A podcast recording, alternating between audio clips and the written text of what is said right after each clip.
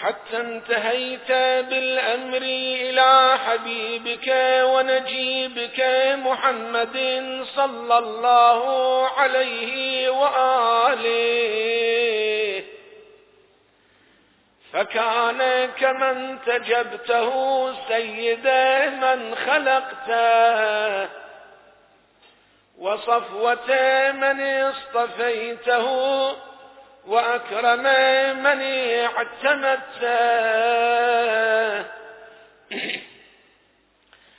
حتى إذا انقضت أيامه أقام وليه علي بن أبي طالب. صلواتك عليهما وآلهما.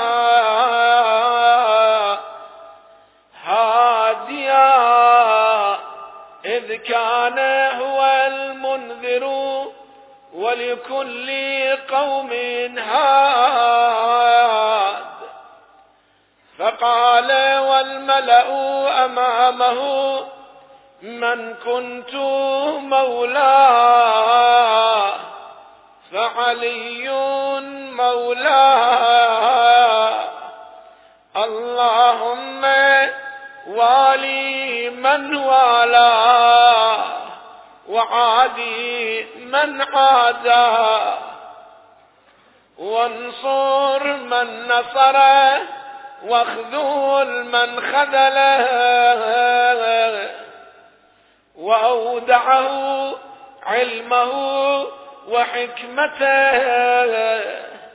فقال أنا مدينة العلم.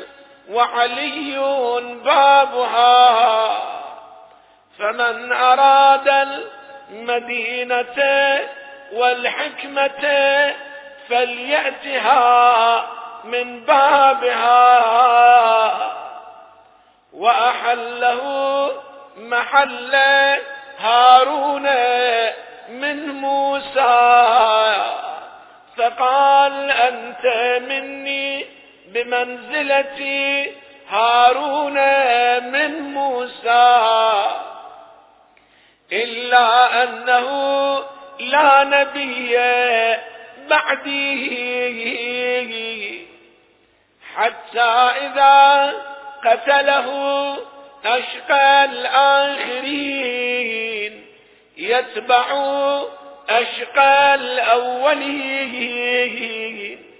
لم يمتثل أمر رسول الله صلى الله عليه وآله في الهادين بعد الهادين والأمة مصرة على مقته مجتمعة على قطيعة رحمه إلا القليل ممن وفى لرعاية الحق فيه فقتل من قتل وسبي من سبي. فقتل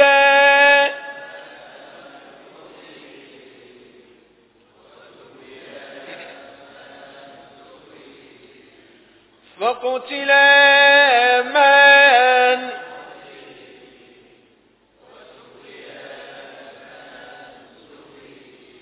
وأقصي من أقصي وجرى القضاء لهم بما يرجى له حسن المثوبة إذ كانت الأرض لله يورثها من يشاء من عباده.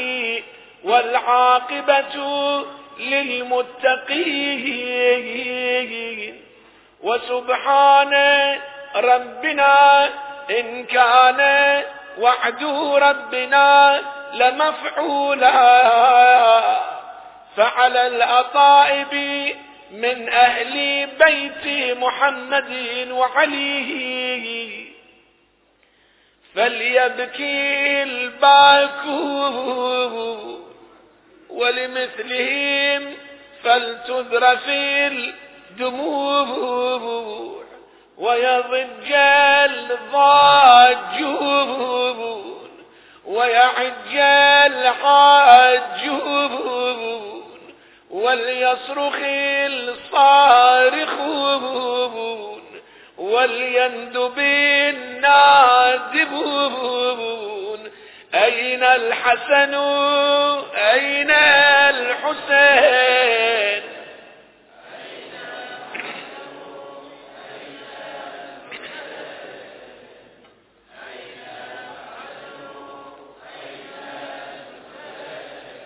أين أبناء الحسين؟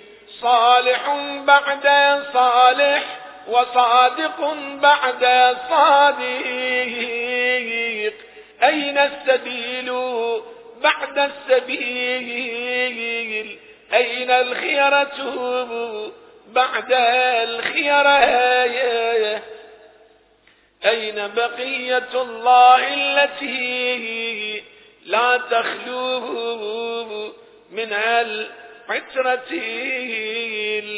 الهادية؟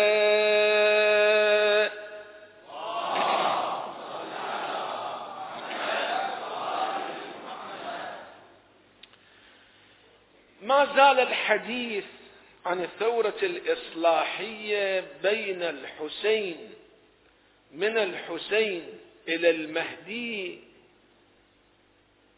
ودراسة عناصر التمايز والاشتراك في الأهداف والمناهج والنتائج. في ليالي سابقة تحدثنا عن الاشتراك في الأهداف. تحدثنا عن الاشتراك في المناهج. وضمنا ذاك الحديث كثير من أحداث عصر الظهور. ظهوره عجل الله تعالى فرجه الشريف. حديثنا اليوم عن الاشتراك التاريخي بين الحسين عليه السلام وبين الإمام المنتظر. هناك اشتراك يمكن أن نسميه اشتراك في الامتداد التاريخي. يعني لم يكن الحسين عليه السلام يمثل حادثة في مقطع زماني معين ولا حركة الإمام المنتظر تمثل حادثة في مقطع زماني معين. وإنما هاتان الحركتان وهاتان الحادثتان لهما امتداد إلى صدر التاريخ. ومع الأنبياء عليهم أفضل الصلاة والسلام فنحن نجد أن الأنبياء كانوا يتحدثون عن الإمام الحسين كظاهرة ستحدث. ويتحدثون عن الإمام المنتظر أيضا كظاهرة ستحدث. هذا الامتداد إلى الأنبياء ظاهرة ملفتة للنظر. لماذا؟ تركيز الأنبياء على الحسين وعلى الإمام المنتظر عجل الله تعالى فرجه الشريف. ونبينا صلى الله عليه وآله وسلم أيضا نجده قد أثر عنه كثيرا التركيز على الإمام الحسين ومصيبة الحسين. كأعظم فاجعة وكجريمة كبرى تسجل تاريخيا في التاريخ البشري كجريمة كبرى. ثم نجد أنه أثر عن النبي صلى الله عليه وآله وسلم حديثا مكررا عن الإمام المنتظر عجل الله تعالى فرجه الشريف كأعظم فتح عالمي. كأعظم فتح عالمي.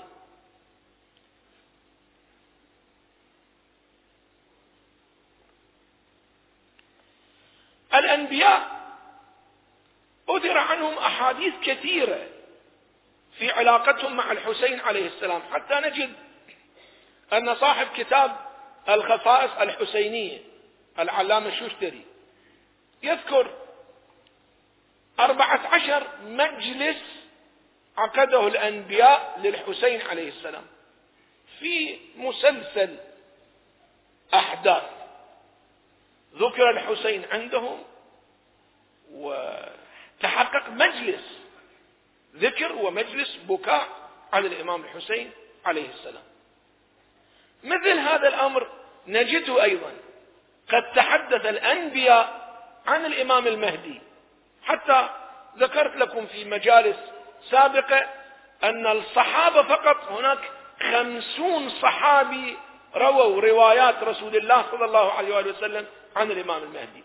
وخمسون تابعي أيضا رووا هذه الروايات. وكتاب واحد لصاحب كتاب كنز العمال يذكر 274 حديث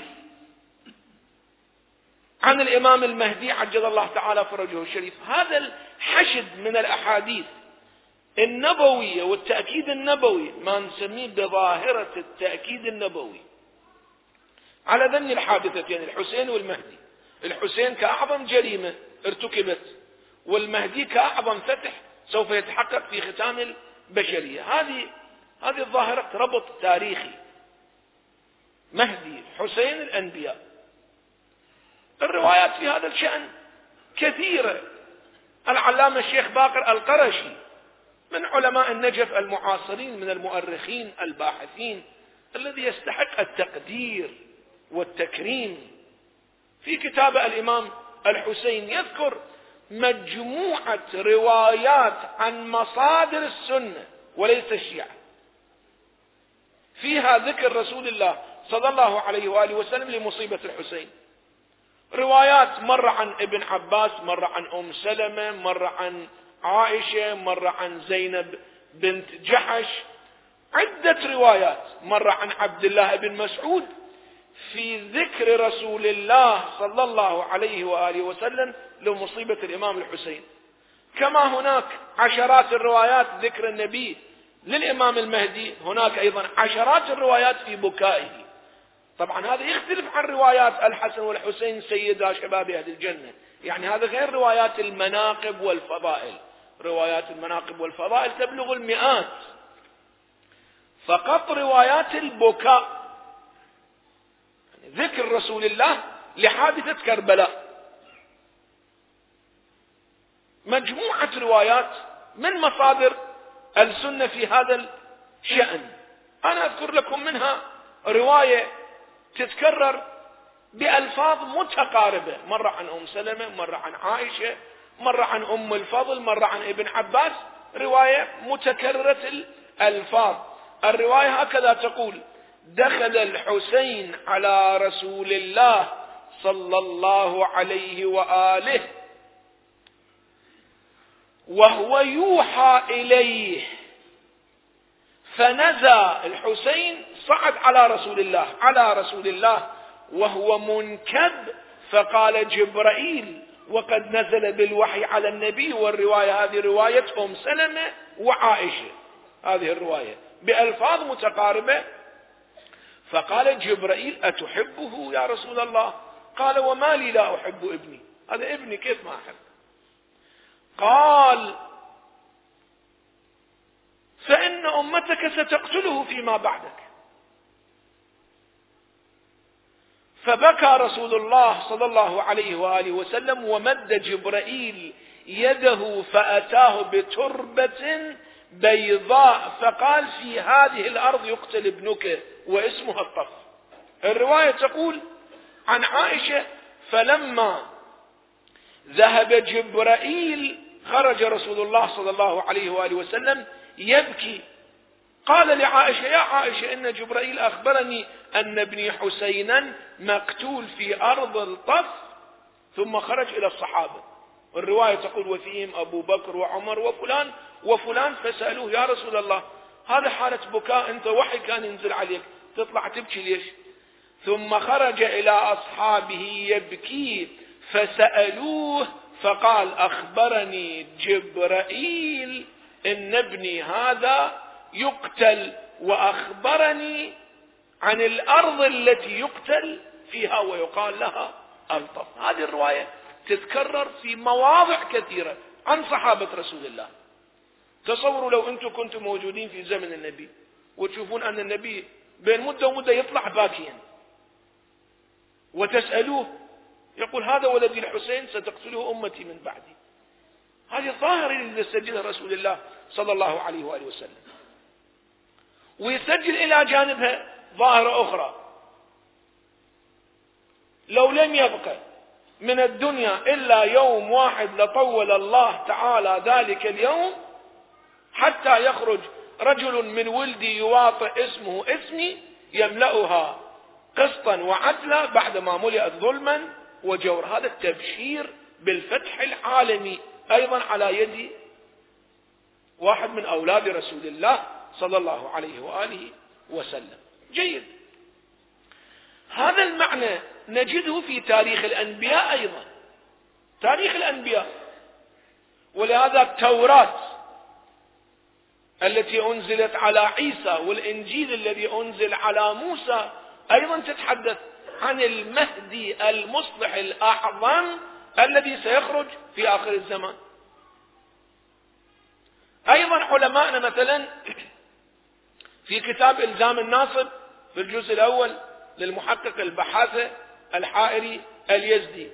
يروي حوالي ثلاث وثلاثين نص من التوراة والإنجيل في ظهور المصلح الأعظم في آخر الزمان.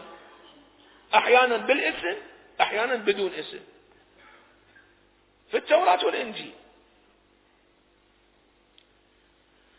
في أيامنا هذه جاء أحد الكتاب اسمه الدكتور أحمد السقة طرح نظرية. من الكتاب المصريين فيما أتصور؟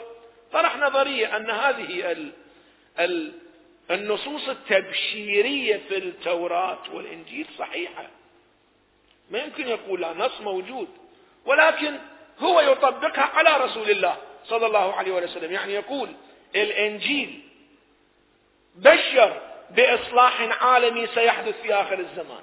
والتوراة بشرت بمهدي سيظهر في آخر الزمان ويفتح له العالم وتكون الأرض في زمانه كيت وكيت لكن المقصود بهذا المهدي هو نفس رسول الله صلى الله عليه وآله وسلم وأن هذا الفتح الإسلامي الذي حدث في زمن النبي وبعد زمن النبي هو الذي بشرت به التوراة والإنجيل. هذا رأي طبعا لكن هذا الرأي لا يتسق مع مئات الأحاديث في المهدي الذي يخبر به رسول الله ويقول أنه سيخرج في آخر الزمان.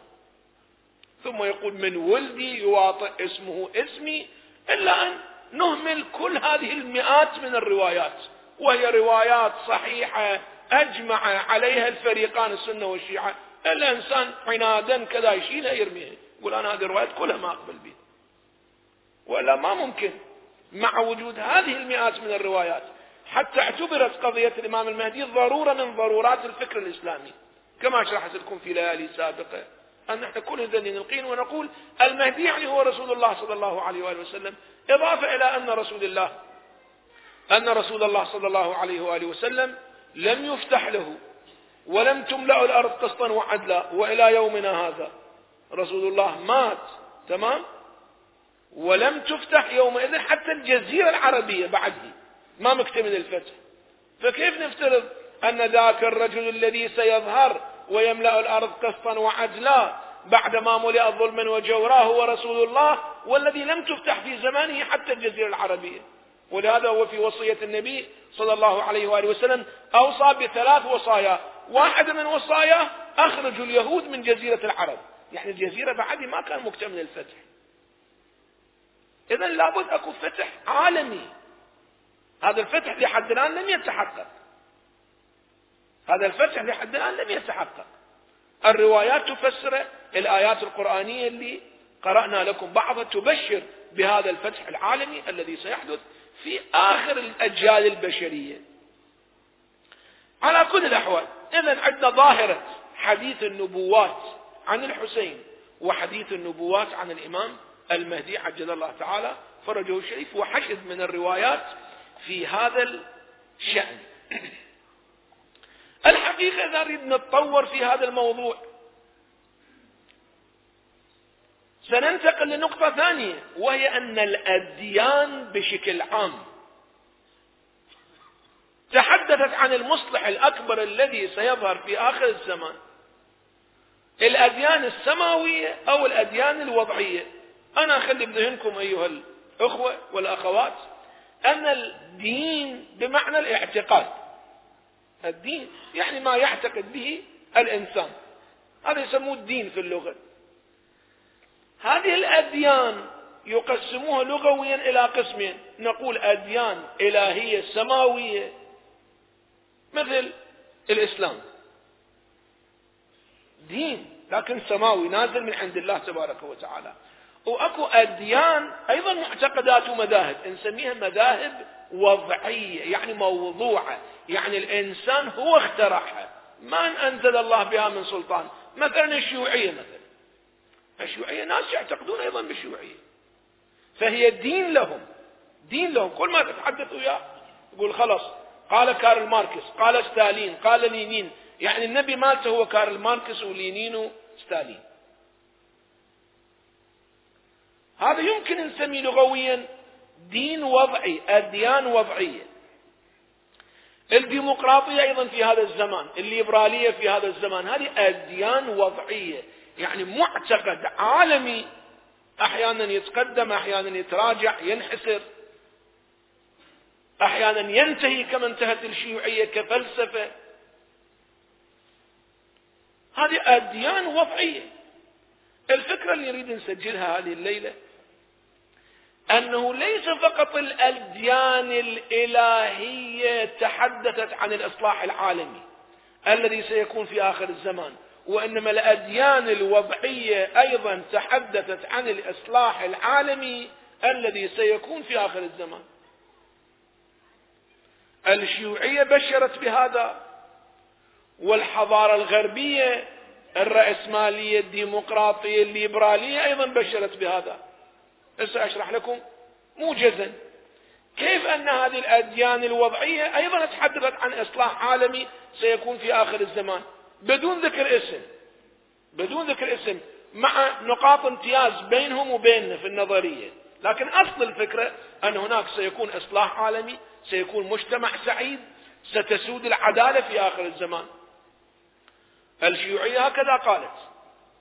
الديمقراطية الغربية أيضا هكذا قالت. مع مجموعة فوارق. مثلا النظرية الشيوعية هكذا تقول أنه ستطبق العدالة الأرض كل الأرض وذلك على يد العمال على يد الطبقة العمالية حينما يطيحون بالطبقة البرجوازية والعمال هم يحكمون. جيد حينئذ يكون هناك توزيع عادل لرأس المال والناس يعيشون في رفاه وحينئذ يتم الاستغناء عن الحكومة والدولة بعد دولة ماكو حكومة ماكو رئيس وزراء ماكو وزير ماكو رئيس جمهورية ماكو. عملية إدارة شعبية إدارة ذاتية تصير للناس. تسقط الدولة تنتهي.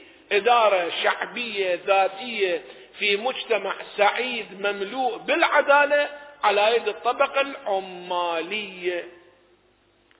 ولا مانع على النظرية الشيوعية من استخدام القسوة لقتل ملايين الناس من أجل أن تحكم الطبقة العمالية. هذه النظرية الشيوعية وتقول أنه في آخر الزمان الناس يكون يعني كيف رواياتنا والتفكير الديني هكذا يقول أنه تسود العدالة والمحبة والأخوة. الشيوعية تتحدث. وهذه تأثيرات الفكر الديني على مجمل الحضارات الإنسانية. يعني الدين له آثار حتى عند من لا يؤمن بالدين. هذه من امتدادات التأثير الديني. أنه أصلا حب التملك بعد ماكو. حب أن أنت تملك شيء على أخوك هذا الحب سيزول من عندك. وإنما كما تقول رواياتنا أيمد أحدكم إلى جيب أخيه فيأخذ ما يشاء؟ الشيوعية هكذا تقول في آخر الزمان هيك راح يصير. الناس كلهم بيوتهم تتوزع سوا أموالهم تتوزع سوا يعني ماكو مشكلة أنت مجموعة سويتشات محطوطة في باب الجراج. انت تروح تشتري أي سويش تاخذ تركب سيارة وتطلع. ما تسأل هذه علما. خلاص. هاي شيوعية. هاي السيارات بكيفكم. هذا خيال طبعا يتحدثون به الشيوعيه أصلا حب التملك بعد ماكو. اطلع اركب سيارة أي شيء. تلقى سياره بالشارع اركب بها وروح. خلاص. انت ما عندك حب التملك غيرك ما عنده حب التملك. المهم إحنا لا مو بصدد بصدد المناقشة في هذا الأمر. لكن فكرة الصلاح العالمي الشيوعيه تتحدث عن هذا الأمر. الديمقراطية الغربية الآن النظرية الغربية أيضا تتحدث عن هذا الأمر. أنه في مجتمع التقدم العلمي يعني بفعل التقدم التقني العلمي وبفعل التنافس الشديد بين الطبقة المالكة والطبقة العاملة التنافس الشديد سيبلغ مستوى الثروات عند الناس إلى ما يسمون بمستوى الوفرة. يعني تكون الفاكهة موجودة بكل ما يحتاج البشر.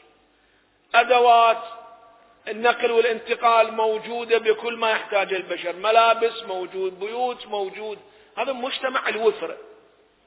نتيجة التنافس الشديد. طبعا تماما على عكس النظرية الشيوعية. وأنا يعني المفروض لا أطيل في هذا الأمر. الشيوعيين يقولون أنه يجب أن نقمع الأثرياء. الغربيين شو يقولون؟ يقولون لا بالعكس خلي يصير التنافس قوي بين الأثرياء وبين الطبقة الفقيرة. كل ما يصير التنافس قوي البركة تزداد ويشتغلون أكثر وما شاكل. ولو على حساب الجياع. يعني نظرية ترسيخ الصراع ترسيخ الصراع بين الطبقتين. هذه أحد التمايزات بين النظرية الغربية وبين النظرية الشيوعية. على كل حال فكرة الصلاح العالمي والمجتمع السعيد الذي سيكون في آخر الزمان هذه الفكرة موجودة في الأديان الوضعية وموجودة في الأديان الإلهية مع نقاط فرق كثير. واحدة من نقاط الفرق أنه هذه الأديان الوضعية على ما تعتمد في هذا التحليل. تعتمد على اجتهادات شخصية دون دليل علمي. بينما الأديان الإلهية تنطلق من غيب ووحي وقرار إلهي. يعني نحن نعتقد أن هذه المسيرة البشرية بقرار من الله تعالى ستنتهي إلى المجتمع السعيد. وعد الله الذين آمنوا منكم وعملوا الصالحات ليستخلفنهم في الأرض. بقرار إلهي وخبر عن طريق الوحي إجانا وإلا إحنا ما نريد نتنبأ ومجرد نبشر نفسنا بأنه سيأتي يوم من الأيام بعد كذا ألف من السنة سيحكم المستضعفون. هذه أماني. دليل تاريخي ما عليها.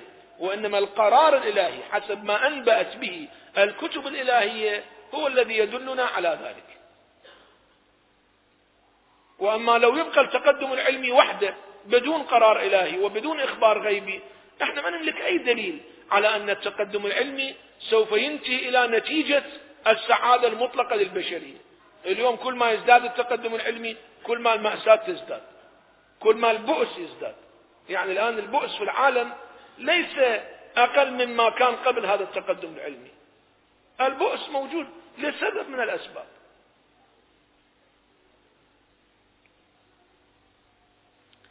على كل حال. إذا هذا التبشير بنظرية المصلح الأعظم. الآن بعد سقوط الشيوعية الديمقراطية أصبحت تطرح نفسها أنها هي المصلح الأعظم. والأمة الغربية هي أمة الأمة الشاهدة على العالم. والديمقراطية هي الرسالة التي سترسم المجتمع السعيد. ولهذا هذا كاتب أمريكي يعني طرحت نظريته أخيرا نظرية نهاية التاريخ فوكوياما. من أصل ياباني. يطرح نظرية نهاية التاريخ وأن أمريكا الآن وصلت إلى نهاية التاريخ وهذه هي القمة. ويجب أن تكون هي النموذج اللي يطبق على كل الأرض وحينئذ يتحقق المجتمع السعيد. والآن أنتم تلاحظون أن أمريكا جاي تنطلق في حركتها من هذه الأفكار أنها هي القائده للعالم والتي تطبق المجتمع السعيد وتوزع وصايا هنا وهناك. توصي الحكام العرب توصي الشرق الأوسط بإصلاحات ديمقراطية يدخلوها كرسالة جديدة حتى يتحقق المجتمع السعيد. إحنا أيضا مو بصدد مناقشة هذه الأفكار بصدد بيان فكرة أن الإصلاح العالمي والمجتمع السعيد في نهاية البشرية هذه الفكرة تبنتها الأديان الإلهية وتبنتها الأديان الوضعية. ننتقل لنقطة ثانية في الحديث. هذا المجتمع السعيد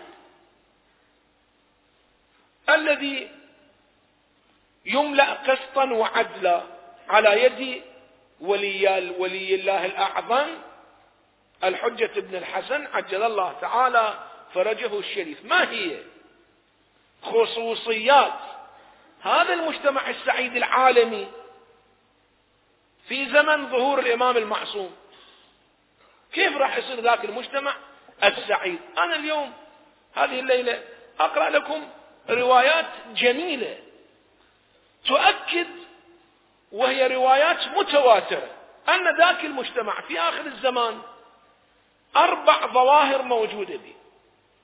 الظاهرة الأولى الغنى والثروة. يعني ثروة مبذولة بالشارع ما شاء الله. ماكو بعد واحد فقير وجوعان. خذ ما تشاء. حتى الروايات تقول أنه يحمل الناس صدقات يردون ينطوها إلى شخص يصدقون عليه ماكو ما حد يأخذها منه. هذه صدقة ماكو محتاج يأخذ منهم الصدقة. الغنى الظاهرة الأولى ظاهرة الغنى والثروة. الظاهرة الثانية ظاهرة المحبة والتآخي. المحبة بين الناس والتآخي. الظاهرة الثالثة المصالحة الطبيعية حتى بين الحيوانات. مصالحة طبيعية حتى تمشي الشاة وإلى جانبه الذئب. الذئب ما يعتدي على الشاة. مصالحة طبيعية إحنا للتندر وهي قضية واقعية نعتقد بها ليس فقط للتندر. قلنا في آخر الزمان مصالحة طبيعية يصير حتى بين الحيوانات لكن مصالحة مع البعثيين ما يصير. حقيقة مصالحة مع البعثيين ما يصير.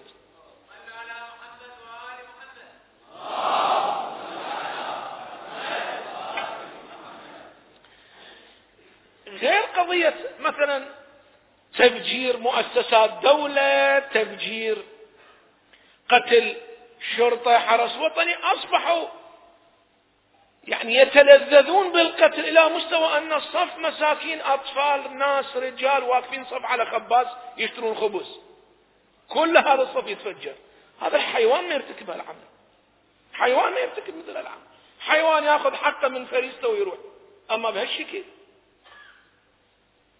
المصالحة الطبيعية في عصر الإمام المنتظر عجل الله تعالى فرجه الشريف. هذه الظاهرة الثالثة الظاهرة الرابعة العدالة. العدالة. ماكو بعد مظلوم يملأها قسطا وعدلا بعدما ملئت ظلما وجورا. أقرأ لكم بعض هذه الروايات. الرواية تقول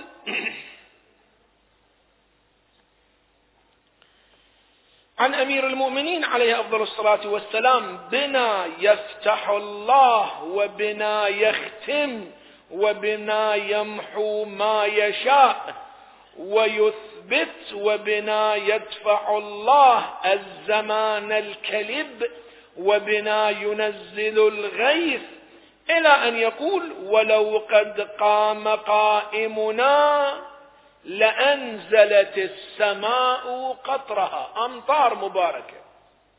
ولأخرجت الأرض نباتها زراعة مباركة. ولذهبت الشحناء من قلوب العباد. غل وغيظ حقد بعد ماكو. من قلوب العباد. واصطلحت السباع والبهائم. حتى لمستوى الأمان مستوى الأمان حتى تمشي المرأة بين العراق إلى الشام لا تضع قدميها إلا على النبات وعلى رأسها زنبيلها لا يهيجها سبع ولا تخافه.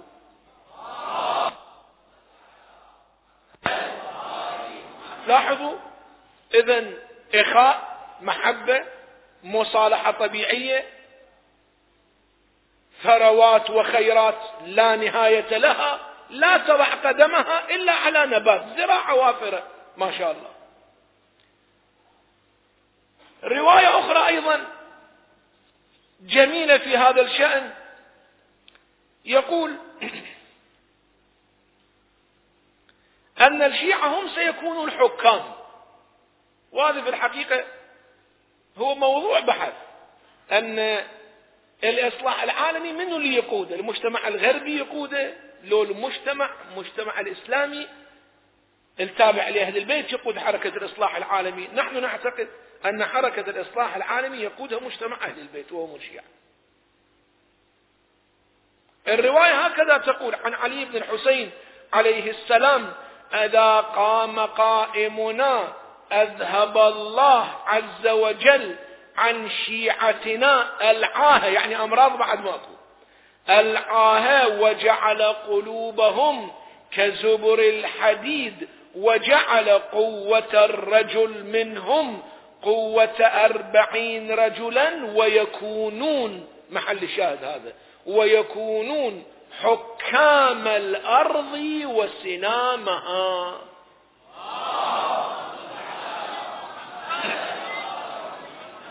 أيضا نستمر في طي هذه الروايات سريعا. الرواية تقول ويكون دار ملكه الكوفة.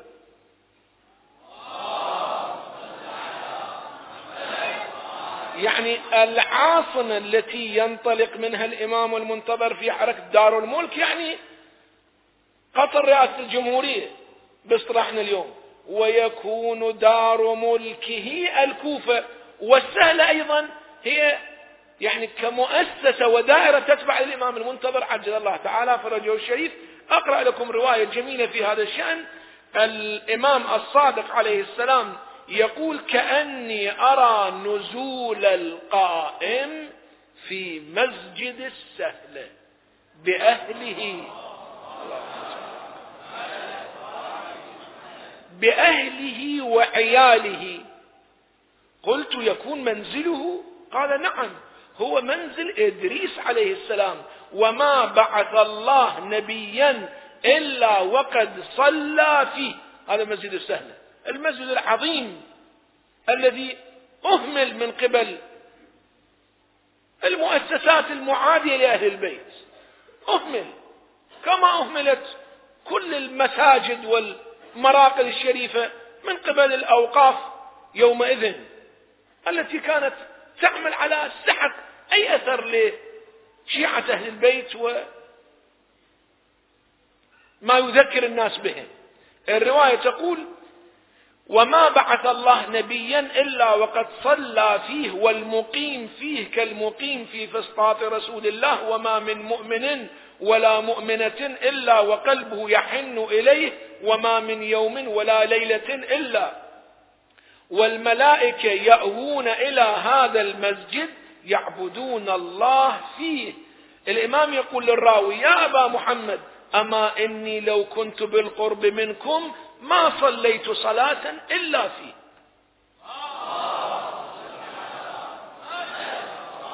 ثم إذا قام قائمنا انتقم الله لرسوله ولنا أجمعين. الحقيقة نحن في نحن في يعني قلب روضات.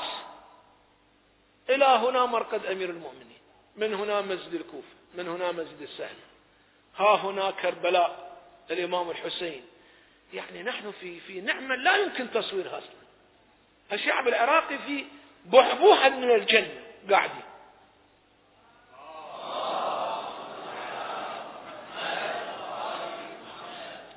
أيضا ما زلتم ترغبون في هذه الروايات أقرأ لكم يعني روايات في هذا الشأن جميلة لل يعني التثقيف عليها واكتشاف النظرية في الحقيقة منها. آه، الدين الذي سيسود ويحكم ما هو؟ اللي يحقق المجتمع السعيد. الشيوعية لا. ديمقراطية لا. ليبرالية لا. الإسلام. الإسلام. الرواية تقول عن الإمام الباقر عليه السلام أنه قال كأني بدينكم هذا لا يزال موليا يعني مطرودا منحسرا محاربا يفحص بدمه. يعني مذبوح الإسلام. لا يزال الإسلام مذبوح ثم لا يرده عليكم إلا رجل منا أهل البيت.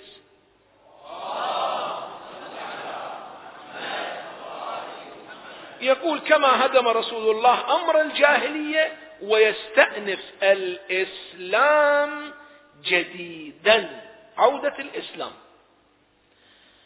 اذا أربع ظواهر لمجتمع الإمام المهدي مجتمع السعيد. ذهاب الشحناء عليكم السلام ورحمة الله. ذهاب الشحناء من قلوب الناس المصالحة بين عناصر الطبيعة الغنى والوفرة والعدالة الإسلامية. هذه مجموعة ظواهر. هنا إشكالان. بعض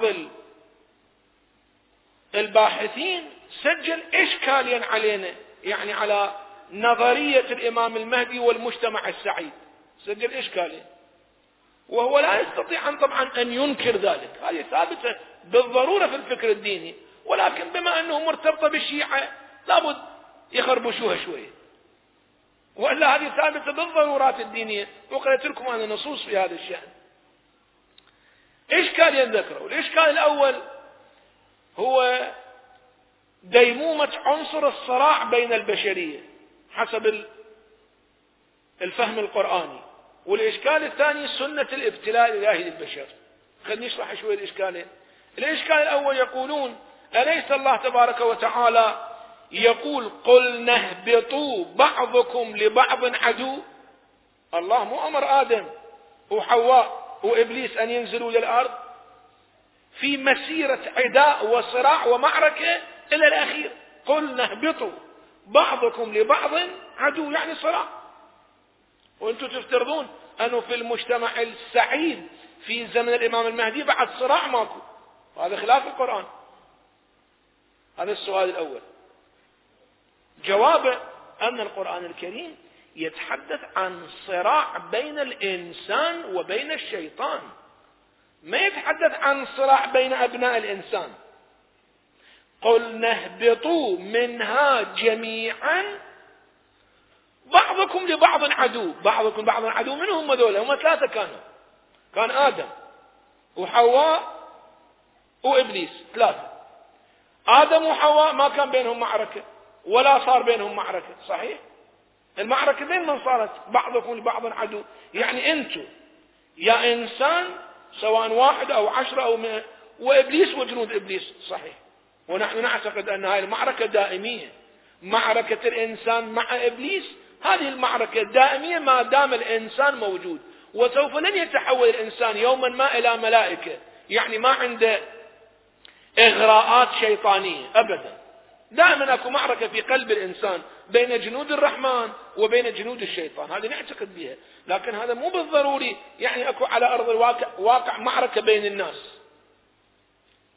المعركة بين الإنسان وبين الشيطان أما بين الناس يتحقق المجتمع السعيد الذي لا معركة فيه. هذا السؤال الأول وجوابه. السؤال الثاني سنة الابتلاء. أليس الله تبارك وتعالى يقول أحسب الناس أن يتركوا أن يقولوا آمنا وهم لا يفتنون؟ فإذا كيف تفترضون أنه في آخر الزمان مجتمع سعيد أي مشكلة ما بي أي ابتلاء ما بي فقر ما بي مرض ما بي حوادث سيارات ما بي. هذا مجتمع يعني ابتلاء ما بي يعني افتتان ما بي. بينما القرآن يأكد أنه الحياة لابد أكو بها شنو؟ أكو بها فتنة. هذا السؤال والإشكال. جواب أيضا أنه الابتلاء ليس بالضروري يعني ابتلاء من خلال معارك ومن خلال أمراض ومشاكل ابتلاء أولا من خلال منازعة الإنسان شهواته وهذا ابتلاء وافتتان. ثانيا ابتلاء من خلال الحركة التراجعية في عمر الإنسان. أنه الله تبارك وتعالى ما راح يرفع الموت يومئذ. فكل واحد يبتلى أيضا يبتلى بموت حبيب له صديق له وهكذا. عنصر الابتلاء موجود. عنصر الابتلاء موجود.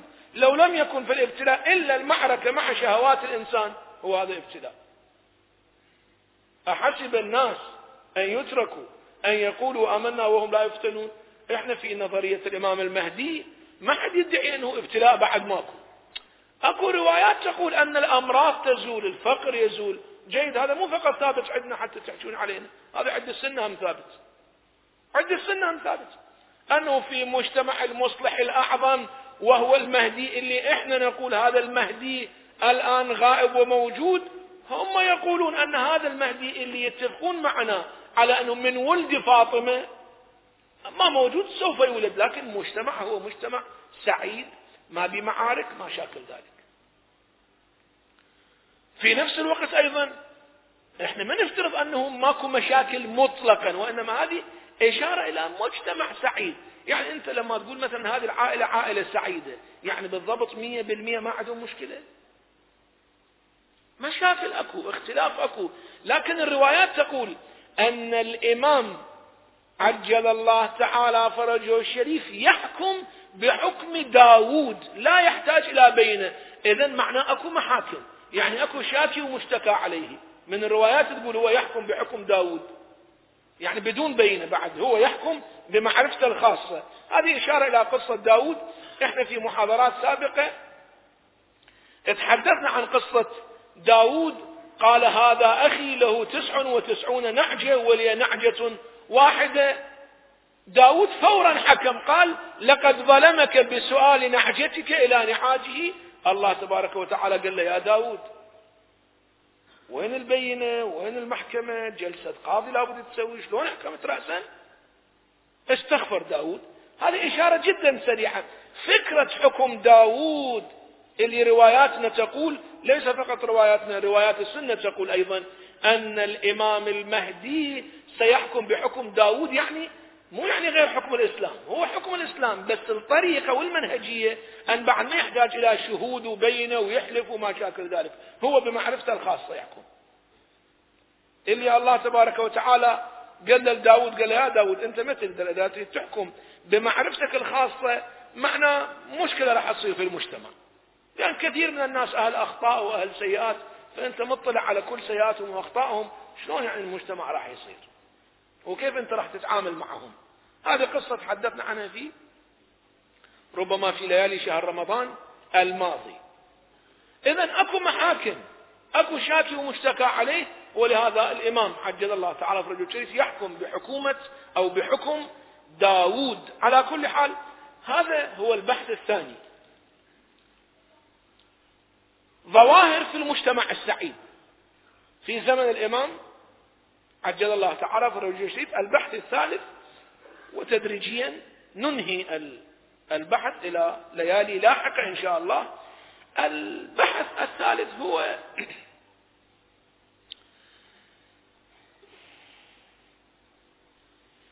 الطريق إلى المجتمع السعيد.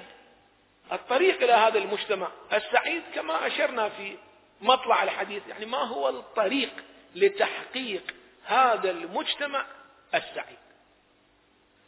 الغرب الآن يقول أو لنقل الأديان الوضعية كلها تقول أنه طريق المجتمع السعيد يعني التقدم التقني يعني وزع سيارات وزع موبايلات وزع تلفزيونات كل الناس يصيرون ملوك مجتمع سعيد. كل واحد موبايله بجيبه والموبايل أيضا بكرة بعد بكرة راح يصير تلفزيون وراح يصير هو نفسه مسجل وراديو وتلفزيون وما شاكل ووسائط النقل أيضا. هذه الأرصفة مثلا ببركة بلدية النجف الله يحفظهم إن شاء الله ينظفوها. الأرصفة تصير سكك متحركة وحدي. بعد ما يحتاج تمشي عمي تطلع توقف بالرصيف يوديك الحي الأمير وحي الغدير. في آخر الزمان إيش يصير؟ الغرب يقول أن التقدم العلمي هو الأداة لتحقيق المجتمع السعيد. الإسلام ماذا يقول؟ يعني هل حقيقة التقدم العلمي قادر على أن يحقق المجتمع السعيد؟ التقدم العلمي لا. الإسلام لديه نظرية أخرى. أن المجتمع السعيد لا يتحقق إلا عبر الصلاح. واحد. اثنين ثبات الكتلة الصالحة الجماعة الصالحة. ثلاثة ظهور القائد المصلح الأعظم. أربعة الصبر والانتظار والدعاء.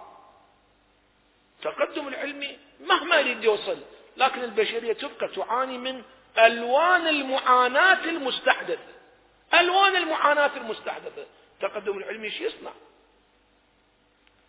زلزلة واحدة في بطن المحيط على بعد 1600 كيلومتر. هزت عشر دول. لحد الآن الضحايا صعدوا فوق الربع مليون وسوف يصعدون فوق النصف مليون. وما تزال عشر دول مدمرة فيها آلاف المدن والقرى. والزلزال واحد بسيط التقدم العلمي ماذا يصنع؟ وكنت أقرأ في بعض ال... بعض التقارير في الأيام الأولى. يحدثون عن ساعات الحادثة الموجة الأولى اللي داهمت هذه القرى أو المدن الصغيرة اللي على حافة المحيط. يقول هذا الشخص وهو كان سويدي قد نجا. ويحدث قصة كيف نجا وما شكل يقول بينما إحنا نفكر في نجاتنا وانهزمنا إلى مرتفع جبل على بعد خمس كيلومترات وإذا باللحظات الأولى كنا نشاهد تسلل السراق واللصوص بدأوا يدخلون هذه البيوت المدمرة شكوا ذهب شكوا فلوس شكوا كذا. الموجة الثانية بعد ما جاية منتظريها يقول عجيبة. جثث أمامنا آلاف الجثث. في نفس الوقت حركة اللصوص أيضا الديمقراطية الغربية أن تشتغل طبعا. لكن مع ذلك وضعهم أحسن من عندنا لأن بحثيين ما كانوا هناك. يعني على الأقل ذولاك لصوص يسرقون ذهب. أما ما يقطعون رؤوس الناس. رؤوس الناس ما يقصون أخذ فلوس أولا.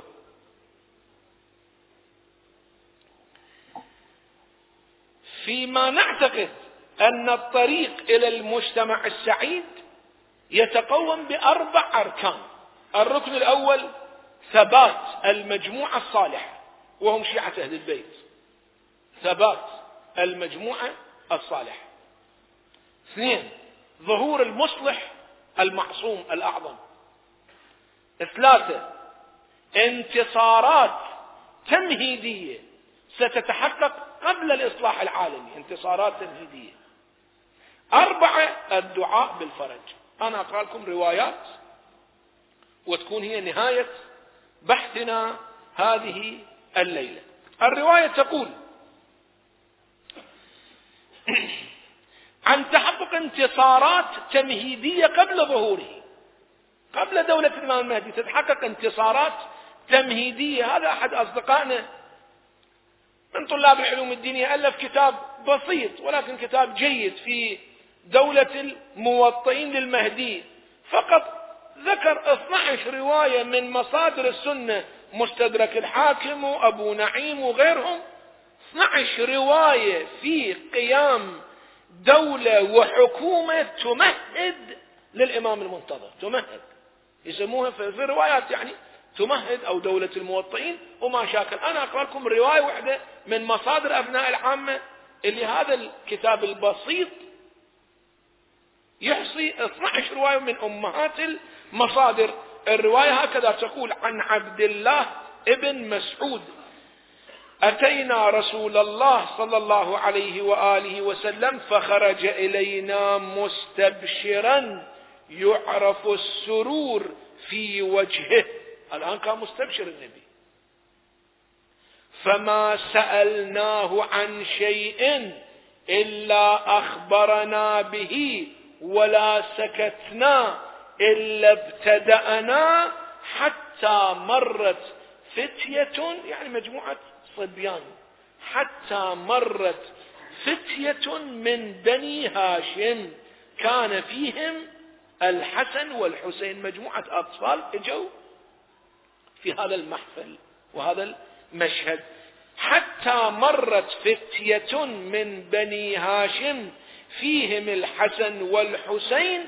فلما خبر النبي صلى الله عليه وآله وسلم بممرهم أهملت عيناه دموعا.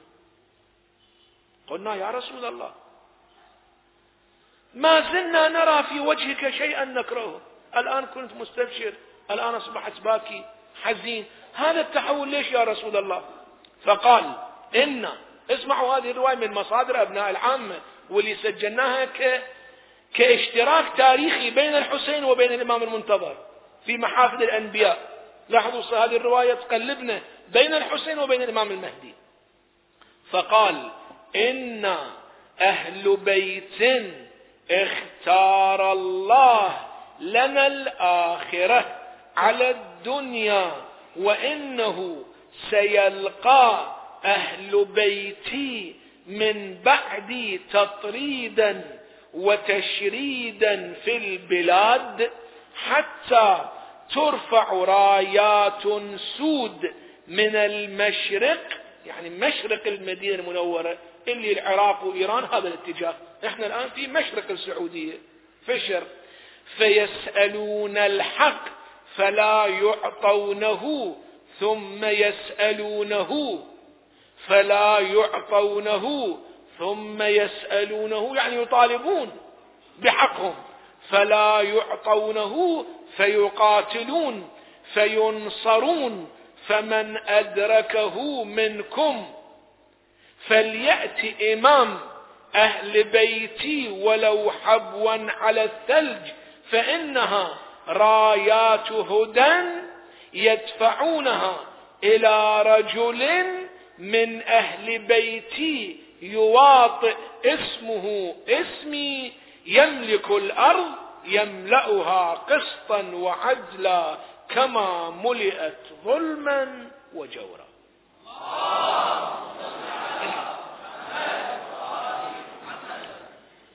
إذا هناك انتصارات تمهيدية قبل ظهوره عجل الله تعالى فرجه الشريف.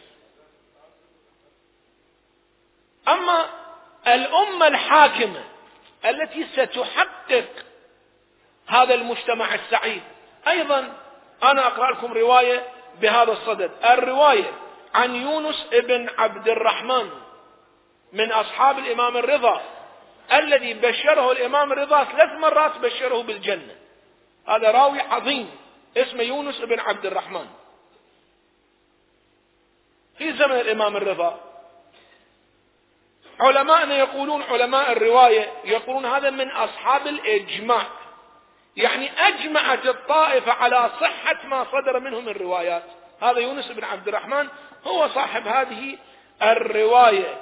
يقول دخلت على موسى بن جعفر.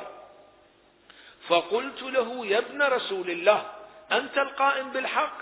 اللي الرسول يتحدث عنه أنه سيظهر واحد من ولدي أنت القائم بالحق. فقال عليه السلام أنا القائم بالحق أو أنا قائم بالحق. ولكن ليس القائم الذي يطهر الأرض من أعداء الله ويملأها قسطا وعدلا كما ملئت ظلما وجورا. هو ذاك القائم اللي تنتظروه هو الخامس من ولدي الإمام المنتظر هو الخامس من ولد الإمام موسى بن جعفر هو الخامس من ولدي له غيبة يطول أمدها. يرتد فيها أقوام ويثبت آخرون ثبات الكتلة الصالحة هذا شرط لتحقق المجتمع السعيد. يكون نثبت. ويثبت فيها آخرون. ثم قال عليه السلام وهذا لكم في الحقيقة بشارة ثم قال عليه السلام طوبى لشيعتنا المتمسكين المتمسكين في غيبة قائمنا الثابتين على موالاتنا والبراءة من أعدائنا أولئك منا ونحن منهم. قد رضوا بنا أئمة ورضينا بهم شيعة وطوبى لهم. هم والله معنا في درجاتنا يوم القيامة.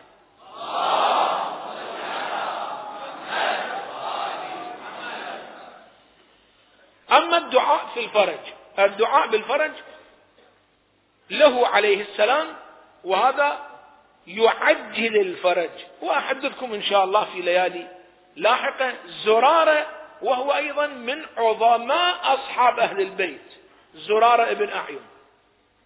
زرارة ابن أعين شخصية عظيمة لعلي أحدثكم في ليالي أخرى عن شيء من ترجمة حياة هؤلاء العمالقة في الفكر وفي الحديث عن الأئمة الأطهار بحيث الإمام يقول لولا حديث زرارة لظننت أن حديث أبي سيذهب. الإمام الصادق لأن هذا زرارة يروي أحاديث الإمام الباقر. يقول لولا زرارة كنت أظن أنه أحاديث الإمام الباقر تزول أصلا ولا يذكر أحد. هذا زرارة ابن أعين أيضا من أصحاب الإجماع ممن يصحح العلماء ما صح عنه من الروايات. يقول زرارة ابن أعين سمعت أبا عبد الله عليه السلام يقول إن للقائم غيب وهو المنتظر. قلت إن أدركت ذاك الزمان فأي شيء نعمل؟ مثل زماننا هذا. فأي شيء نعمل؟ قال عليه السلام إلزم هذا الدعاء. واحدة من النصائح طبعا. قال إلزم هذا الدعاء. اللهم عرفني نفسك فإنك إن لم تعرفني نفسك لم أعرف نبيك. اللهم عرفني رسولك فإنك إن لم تعرفني رسولك لم أعرف حجتك. اللهم عرفني حجتك فإنك إن لم تعرفني حجتك ضللت عن ديني.